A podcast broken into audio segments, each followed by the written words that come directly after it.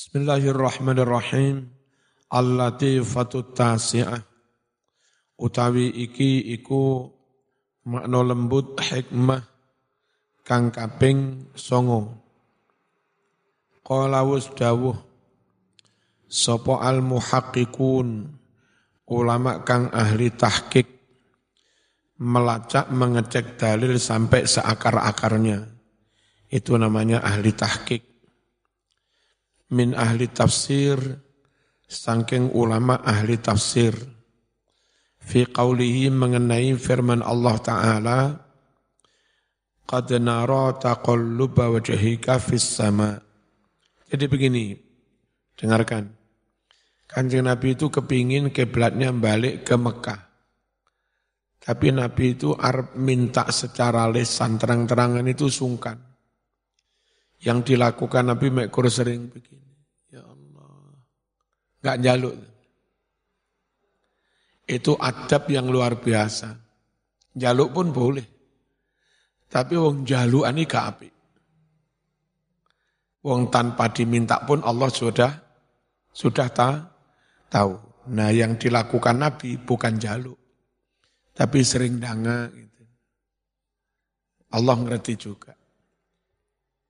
Fi hadhil ayati iku ing dalem iki-iki ayat tambihun latifun ono pengenget kang lembut banget halus ala husni adabihi atas begitu bagusnya tata krama Rasulullah sallallahu alaihi wasallam. Mas, mas, masuk mas. Eh, coba nunjuk mas. Nah, ini repotnya sekarang. Yang sering klaim pengikut Rasul, pejuang sunnah Rasul, pendakwah sunnah Rasul, tablik akbar mereka lakukan, itu mereka jauh dari tata krama.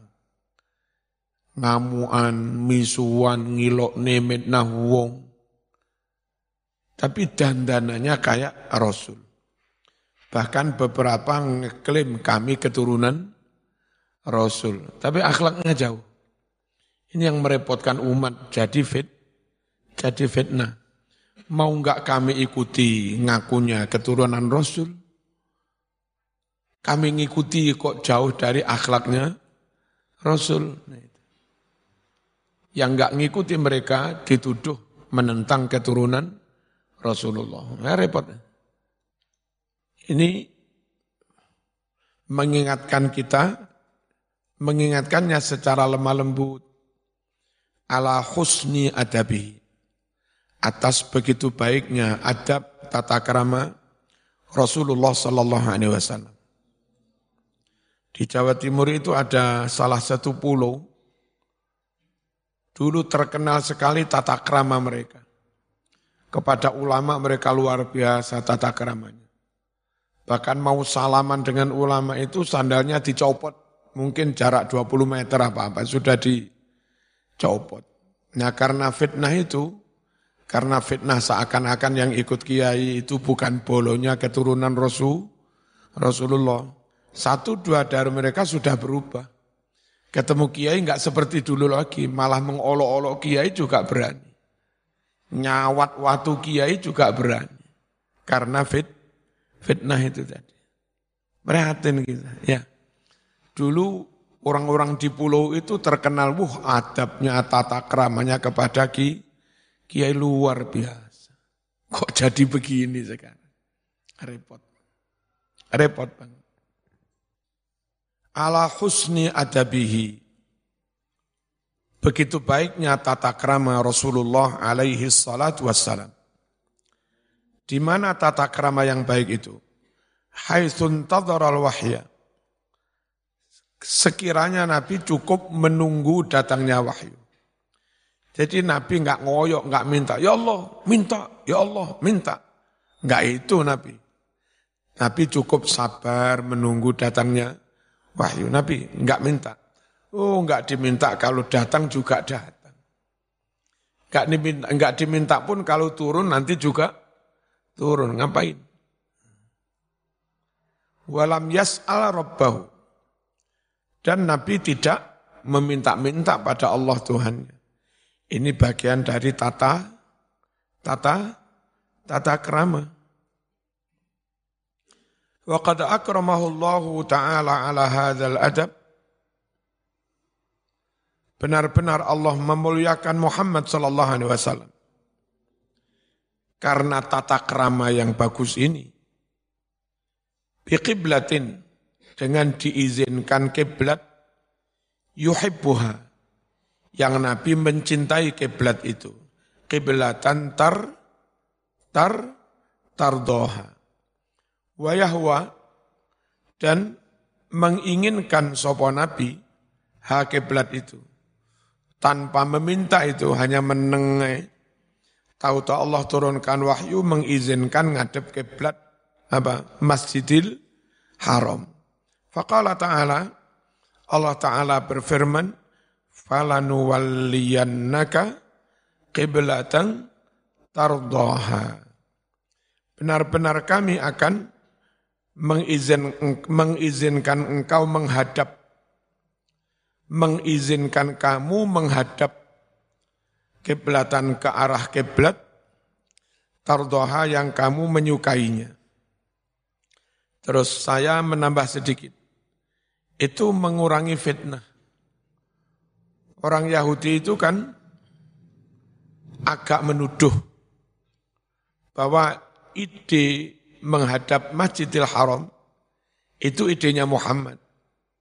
Sangke Muhammad nggak suka sama orang-orang ahlul kitab aja. Bukan bukan datang dari Allah, itu idenya Muhammad. Lah Nabi Muhammad menenggak dungu. Itu juga cara untuk menepis tuduhan itu.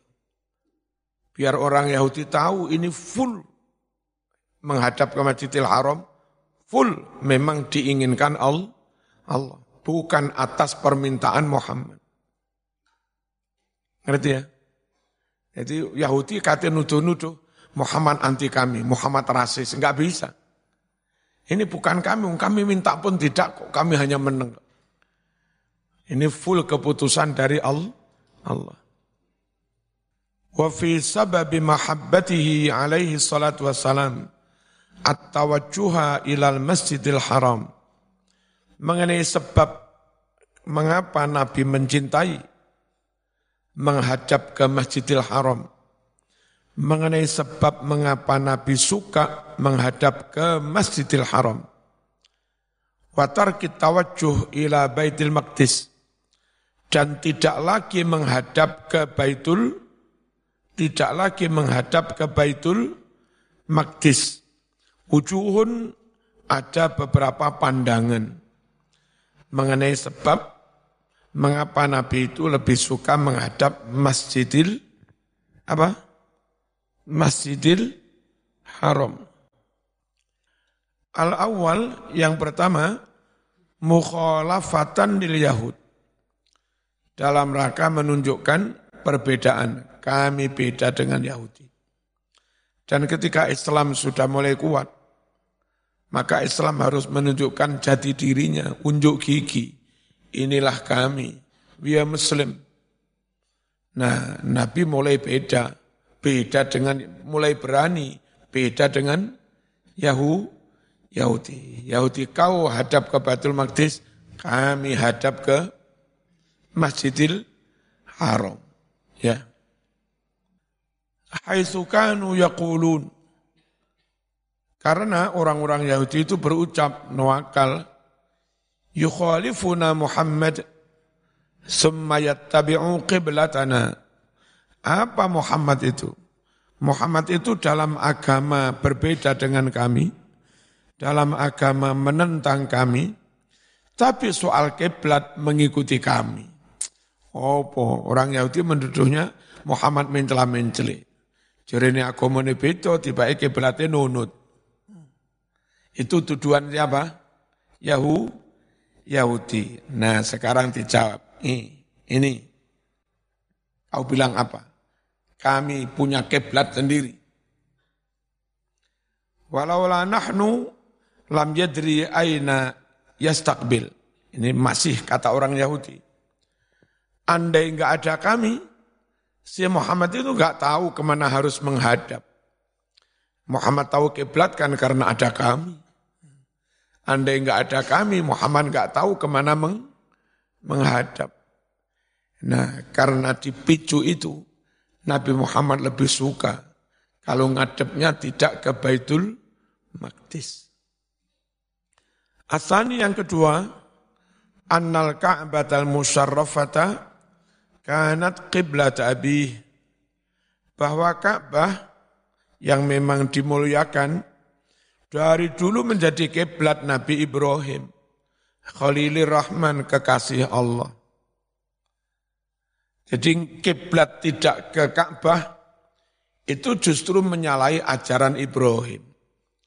Padahal orang Yahudi Kristen ngaku mereka pengikut Ibrahim. Ternyata kiblatnya nggak sama dengan kiblat Ibrahim. Karena benci iri pada Muhammad. Asalis yang ketiga, annahu alaihi salatu wassalam karena yarghab fi tahwilil qiblah bahwa kanjeng Nabi Muhammad SAW ingin sekali dirubah kiblat. Kenapa? Agar itu lebih memotivasi, memancing, menarik orang Arab untuk masuk Islam. Gitu loh. Istimalatan lil Arab lidukhulihim fil Islam. Guna menarik simpati orang-orang Arab supaya mereka masuk Islam. Dilegakan hatinya. Ini kami menghadap ke Masjidil Haram. Masjid Ka'bah kebanggaan orang Arab. Harapannya apa? Biar orang Arab lebih tertarik masuk Islam. Dan bagi zaman-zaman pendakwah, lakukan apa-apa yang tidak haram, yang sekiranya itu bisa menarik mereka masuk Islam. Tidak zikiran mulai wai berkat, mulai wai ingkung, Wali-wali melakukan itu ya dalam rangka begini. Apa? Untuk mencari sim, simpati biar orang Jawa suka masuk Islam. Nah ustadz-ustadz alumni Timur Tengah enggak ngerti bid'ah. Zaman, Nabi enggak ada ingkung bid'ah. Jawaban, ya enggak ada ingkung tapi ada kambing guling.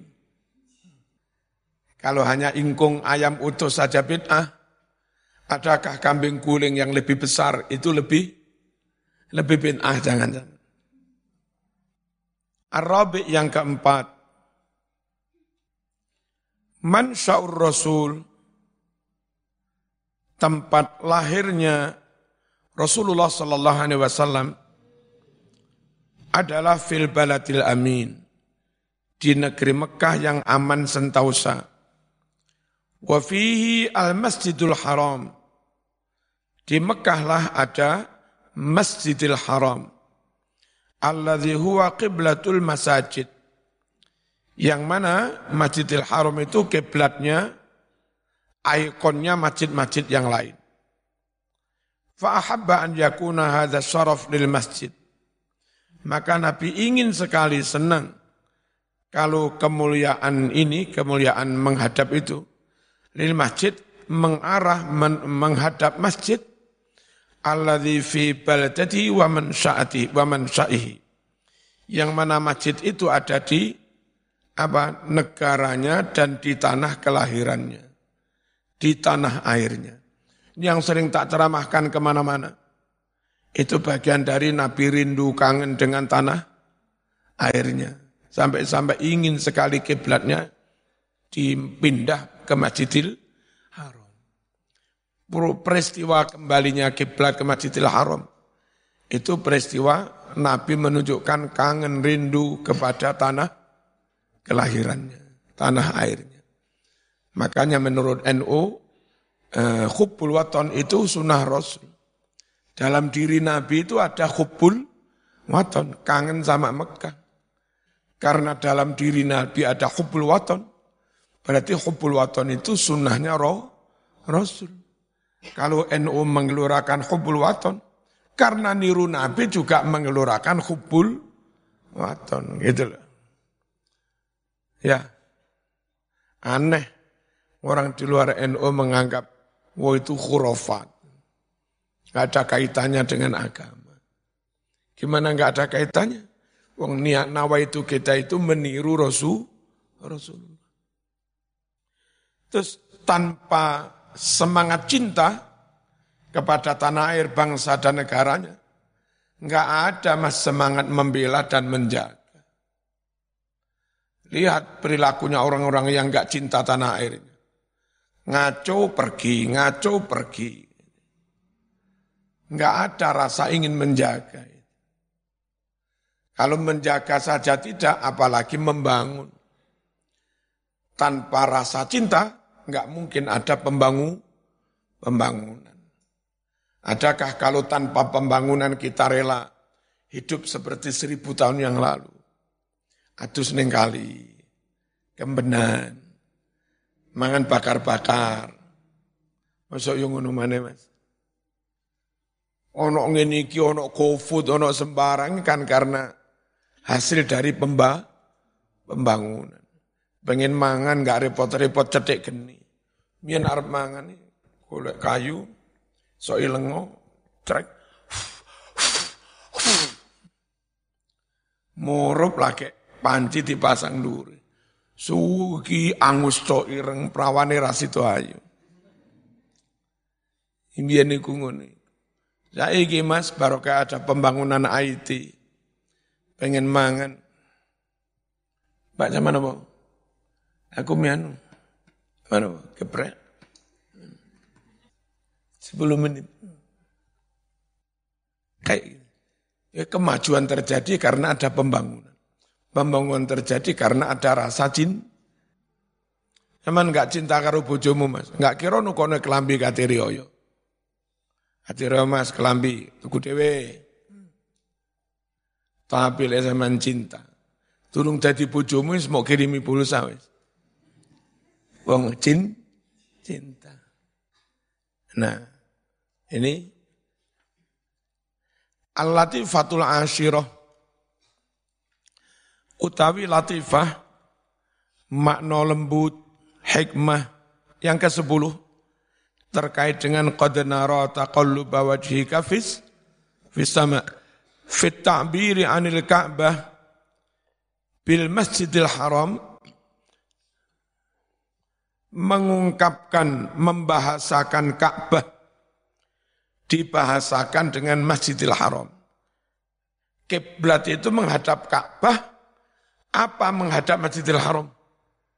Wih, kiblat itu menghadap Ka'bah apa menghadap Masjidil Haram? Hah? Mestinya ngadep Ka'bah. Ya. Tapi di sini disebutnya Masjidil Haram. Apa? Ini ada eh, apa? Eh, ada makna yang tersirat. Makna tersirat itu adalah bagi umat yang jauh dari Masjidil Haram, bagi umat yang jauh dari Ka'bah, orang ada di dalam Masjidil Haram wajib menghadap Ka'bah langsung. Orang yang ada di luar Masjidil Haram jarak sekilo dua kilo, kalau mau persis Ka'bah ya kerepotan mas. Maka dia cukup ngadepnya ke arah Masjidil Haram, meskipun nggak pas Ka'bah. Orang yang dari Masjidil Haram berjarak 500 kilo, 300 kilo, maka dia cukup menghadap ke arah Makkah. Meskipun enggak pas dengan Masjidil Haram. Meskipun enggak pas dengan Kak, Ka'bah. Ngepasnya rasido-sido sholat. Kak sido-sido sholat. Baik Quran mentolelir, geser titik, meleset titik, Nggak apa-apa. Yang penting sudah menghadap ke arah Masjidil Haram. Enggak pas Ka'bahnya itu apa-apa. Dan bagi yang berjarak ribuan kilo, kayak Indonesia, yang penting sudah menghadap ke Arab, wis. Mbuh kena Madinah, mbuh kena Jeddah, mbuh kena apa. Dari sini zaman saya ngepas ngepasnya Ka'bah. Gendeng zaman gendeng. Kadang Arab ora pas ngadepi roto Afghanistan kono Pak. Saiki wae masjid-masjid kiblate ngawanan nemen. Iku lek ngadep sarukan ngono. Alah, mbuh pas Mekah, mbuh pas Jeddah, mbuh pas Taif, sing penting arahnya ke Arab. Arab ini ngulon rotok nganan titik wis. Orang ngono ra sida-sida salat. Ngono wong was-was karo kiblat. Gak salat-salat. Jadi meleset titik itu ditolelir. Enggak pas Ka'bah, yang penting pas ke Masjidil Haram itu ditolelir. Makanya seharusnya yang diucapkan itu Ka'bah, di sini Allah menyebutnya Masjidil Haram. Isyaratun latifah ila annal wajib mura'atul jihad dunal ain. Kalau Imam Ghazali itu begini. Apa odo-odone menungso digawe begini? Enggak digawe, enggak digawe kok belabak persis. Kalau sama ngadep ke Masjidil Haram, enggak pas. Enggak pas yang ini. Engko dodo musing iki ya pas. Dodoi lo tiga rotok rene. Enggak pas ikini, persis. Pas ikini rotok rene. Pas ikini rotok rene. Makanya meleset di di di wis rapopo wis. Wong dodomu ya rapate roto. Ngerti? Itu Imam Ghazali itu kayak begitu. Saking weng ben wong-wonge lo ora was-was. Soal madep kak Isyaratun latifah, ada isyarat yang sangat lembut. Ila annal wajib, bahwasanya yang wajib, mura'atul jihad, memperhatikan arah. Yang penting arah wis ngulon, rotok nganan titik. Kalau dari Malang sekitar 20 derajat, selikur derajat. Kalau dari Lamongan, Gresik sana, sekitar 19 derajat atau wolulas derajat. Kalau dari balik papan sana, nganane paling hanya sekitar 5 atau 6 derajat. Kalau dari Hong Kong, ngulontok wis. Gak usah nganan ngiri. Ya wis yang penting ngono, meleset titik-titik ya wis. Adik meleset itu mas, meleset sak derajat, tekone kono sepuluhan kilo mas. Teko kene meleset sak derajat. Mekai kono ngalore wis puluhan puluhan kilo wong adoh. Ya. Tunal aini tidak harus tidak harus memperhatikan wujud Ka'bah. Nek sampean madep ya harus madep ke wujudnya Ka'bah kangelan.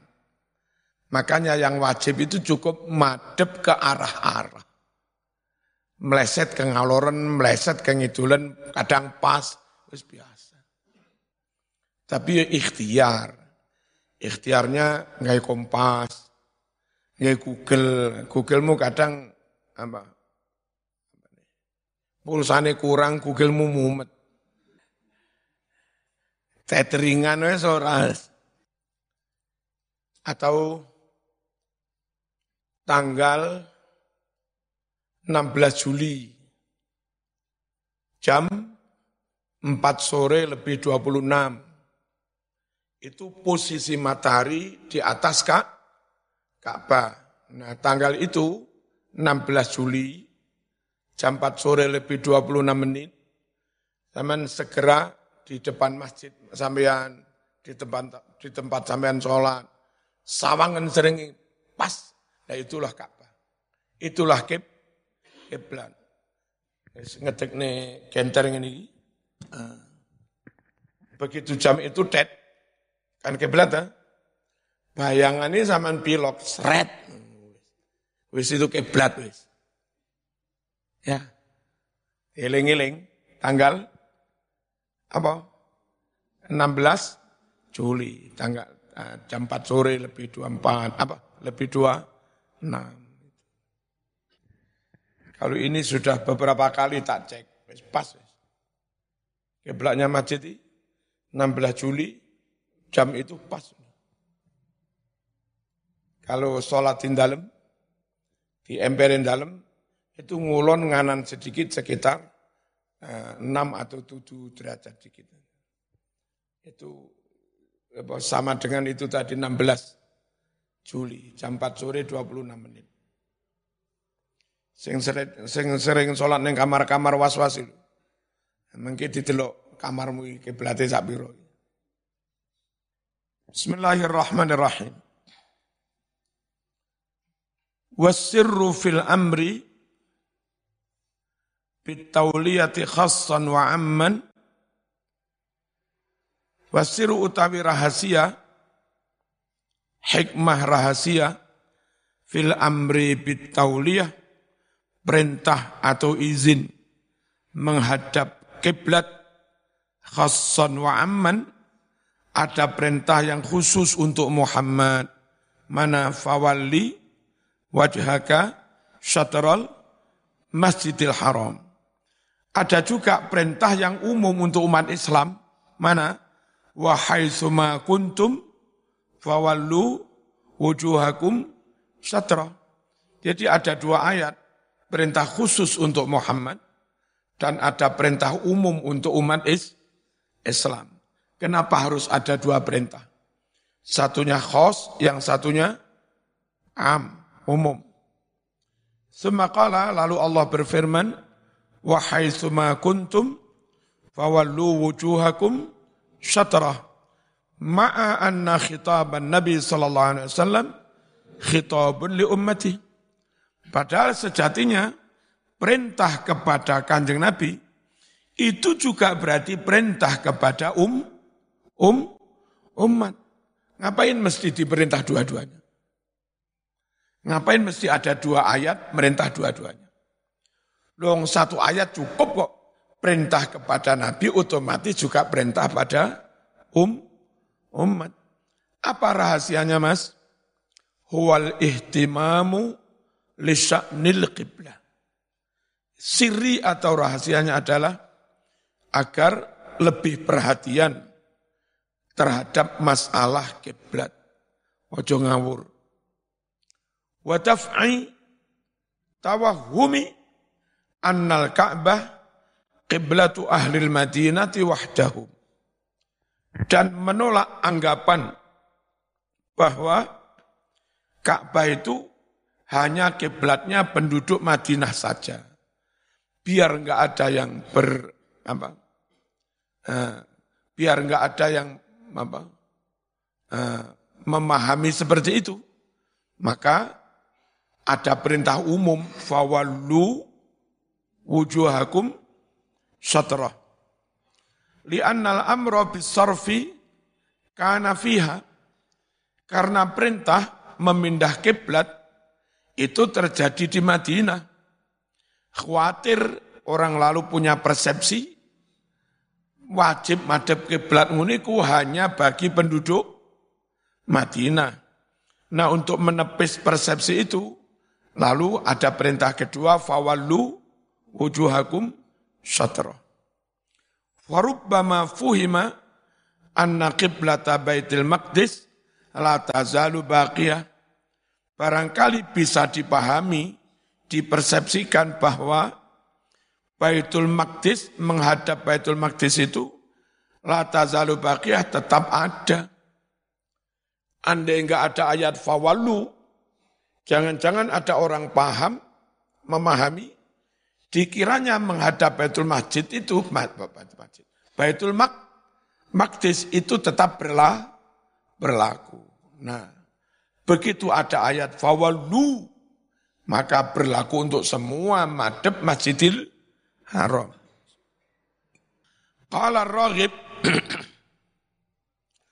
Ar-Raghib Al-Asfahani jauh amma khitabuhul khas fatashrifan lah wa ijaban li raghbatihi alaihi salatu wassalam.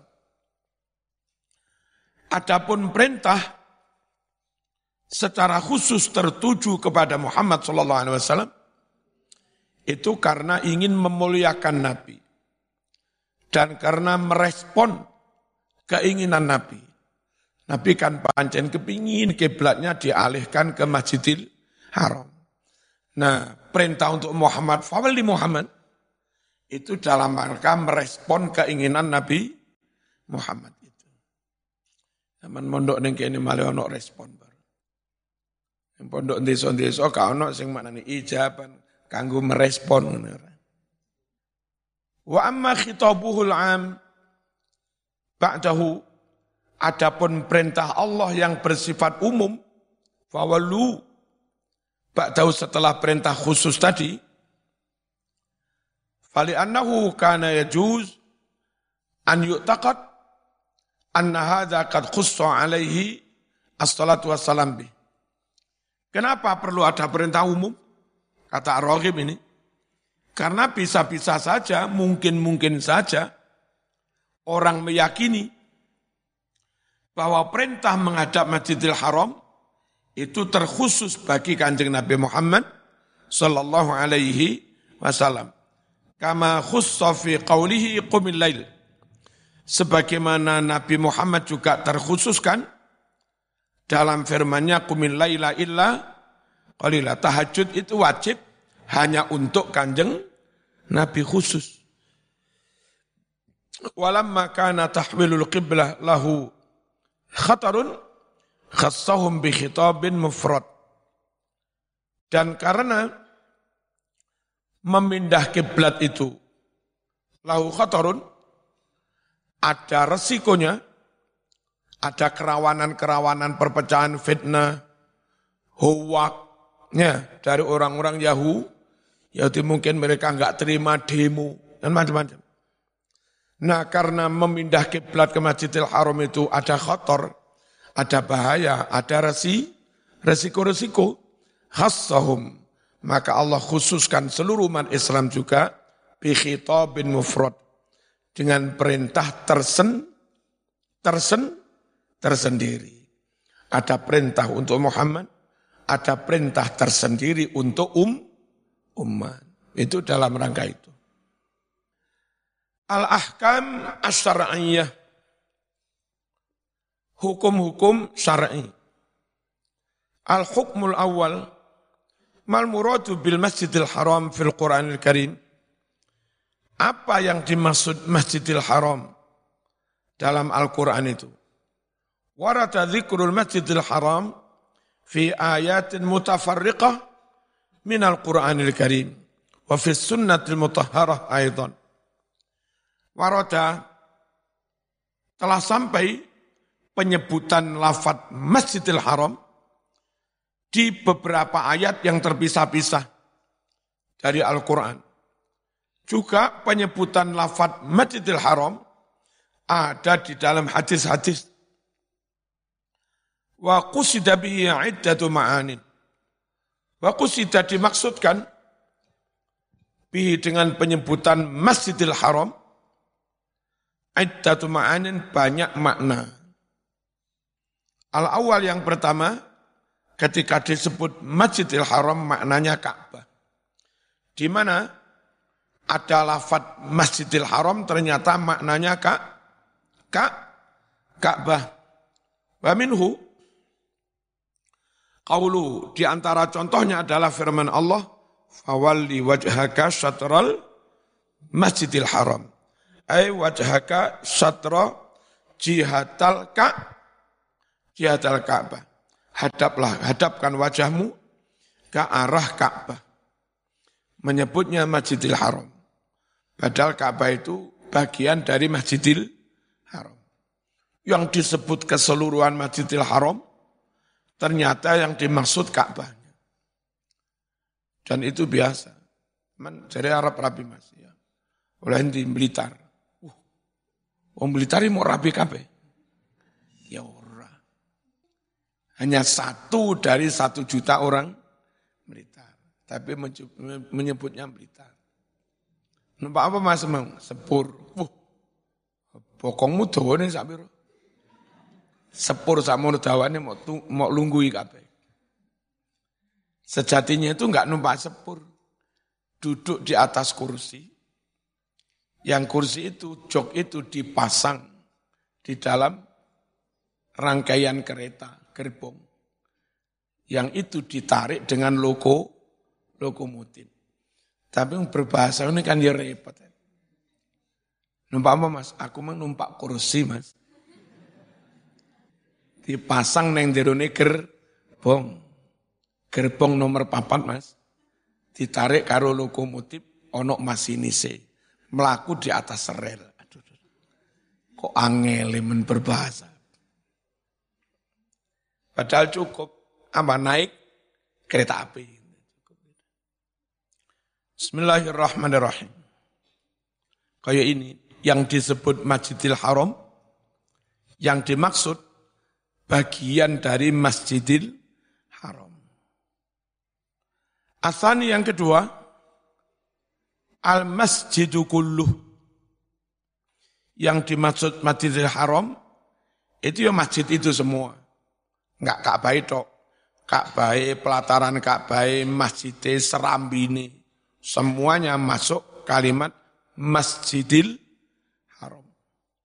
Wa minhu adalah di antara contohnya qauluhu sabda baginda Nabi Muhammad sallallahu alaihi wasallam Salatun fi masjidi hadza khairun min alfi salatin fi ma illal masjidal haram. Sekali salat di masjidku Masjid Nabawi ini lebih baik daripada seribu kali salat. Nah, makanya budalo umroh. Zaman berkesempatan sholat sekali di Masjidil Haram. Padha karo sholat ning masjid ngasai ping ping sewu. Padahal ning kene wis ping 17 Mas. Berarti sholat sekali di Masjidil Haram berjamaah padha karo sholat ning omah ping 17 ewu. Piro ganjaran. Apa yang di ah, fi masiwah di masjid-masjid yang lain kecuali Masjidil Haram. Yang dimaksud lafat Masjidil Haram itu Masjidil Haram apa Ka'bahnya? Masjidil Haram. Wa qauluhu sabda baginda Nabi Muhammad sallallahu alaihi wasallam la tusaddur rihal illa ila salasati masajid. Tidak boleh mengikat onta Maksudnya dulu itu unta kalau persiapan pergi jauh, pakai tambang, bahan-bahan, kelambi-kelambi, bahan makan diikat di atasnya unta itu. Baru nanti berangkat. Kalau sudah ngikat barang-barang, sego digowo, panci digowo, kompor di gowo, beras, itu berarti pertanda akan pergi Jauh, ribuan kilo naik onta. Nah begitu itu nggak boleh. Berkemas bersiap untuk pergi jauh. Kecuali menuju tiga masjid. Masjidil Haram. Apa Masjidil Haram? Ka'bahnya? Apa masjidnya? Masjidnya. Wa masjidi hada, masjidku ini Masjid Nabawi, wal Masjidil Aqsa, dan Masjidil Aqsa. Ini oleh Ustadz-Ustadz Wahabi dijadikan dalil mengharamkan ziarah wali songo. Ziarah wali songo haram. Ini dalilnya hadis Bukhari. Kalian dilarang persiapan mengikat unta pergi jauh beratusan kilo kecuali menuju Masjidil Haram, Masjid Nabawi, Masjidil Aqsa. Lah kamu pergi jauh mau ke mana mas? Ke Sunan Ampel. Tidak termasuk tiga ini. Haram. Mereka begitu mengharamkan ziarah wali songo, dalilnya hadis ini. Terus saya jawab, kalau dipahami kayak sampean itu mas, mau ke mana mas? Mau ke Australia mau dakwah haram. Ini mas, baca mas, haram pergi jauh, kecuali menuju tiga masjid. Anda mau ke, ke Australia haram. Emang mau ke mana? Mau ke Yaman mau mondok haram. Haram pergi jauh kecuali menuju tiga. Kan konyol banget itu. Ya, konyol. Lah, enggak begitu maknanya. Ini konteksnya tentang masjid. Jangan dibawa ke mana-mana sampai keluar masalah-masalah masjid di luar masjid, jangan. Masjid sak dunia ini mas, regane podo. Jamaah di sini 27. Jamaah di New York ya 27. Jamaah di Masjid Yaman sana juga 27. Mau di Al-Azhar 27. Jamaah di Masjid Jeddah sana ya 27. Karena semua masjid ini nilainya sama. Maka kalau sekedar niatmu ingin jamaah, nggak perlu jauh-jauh.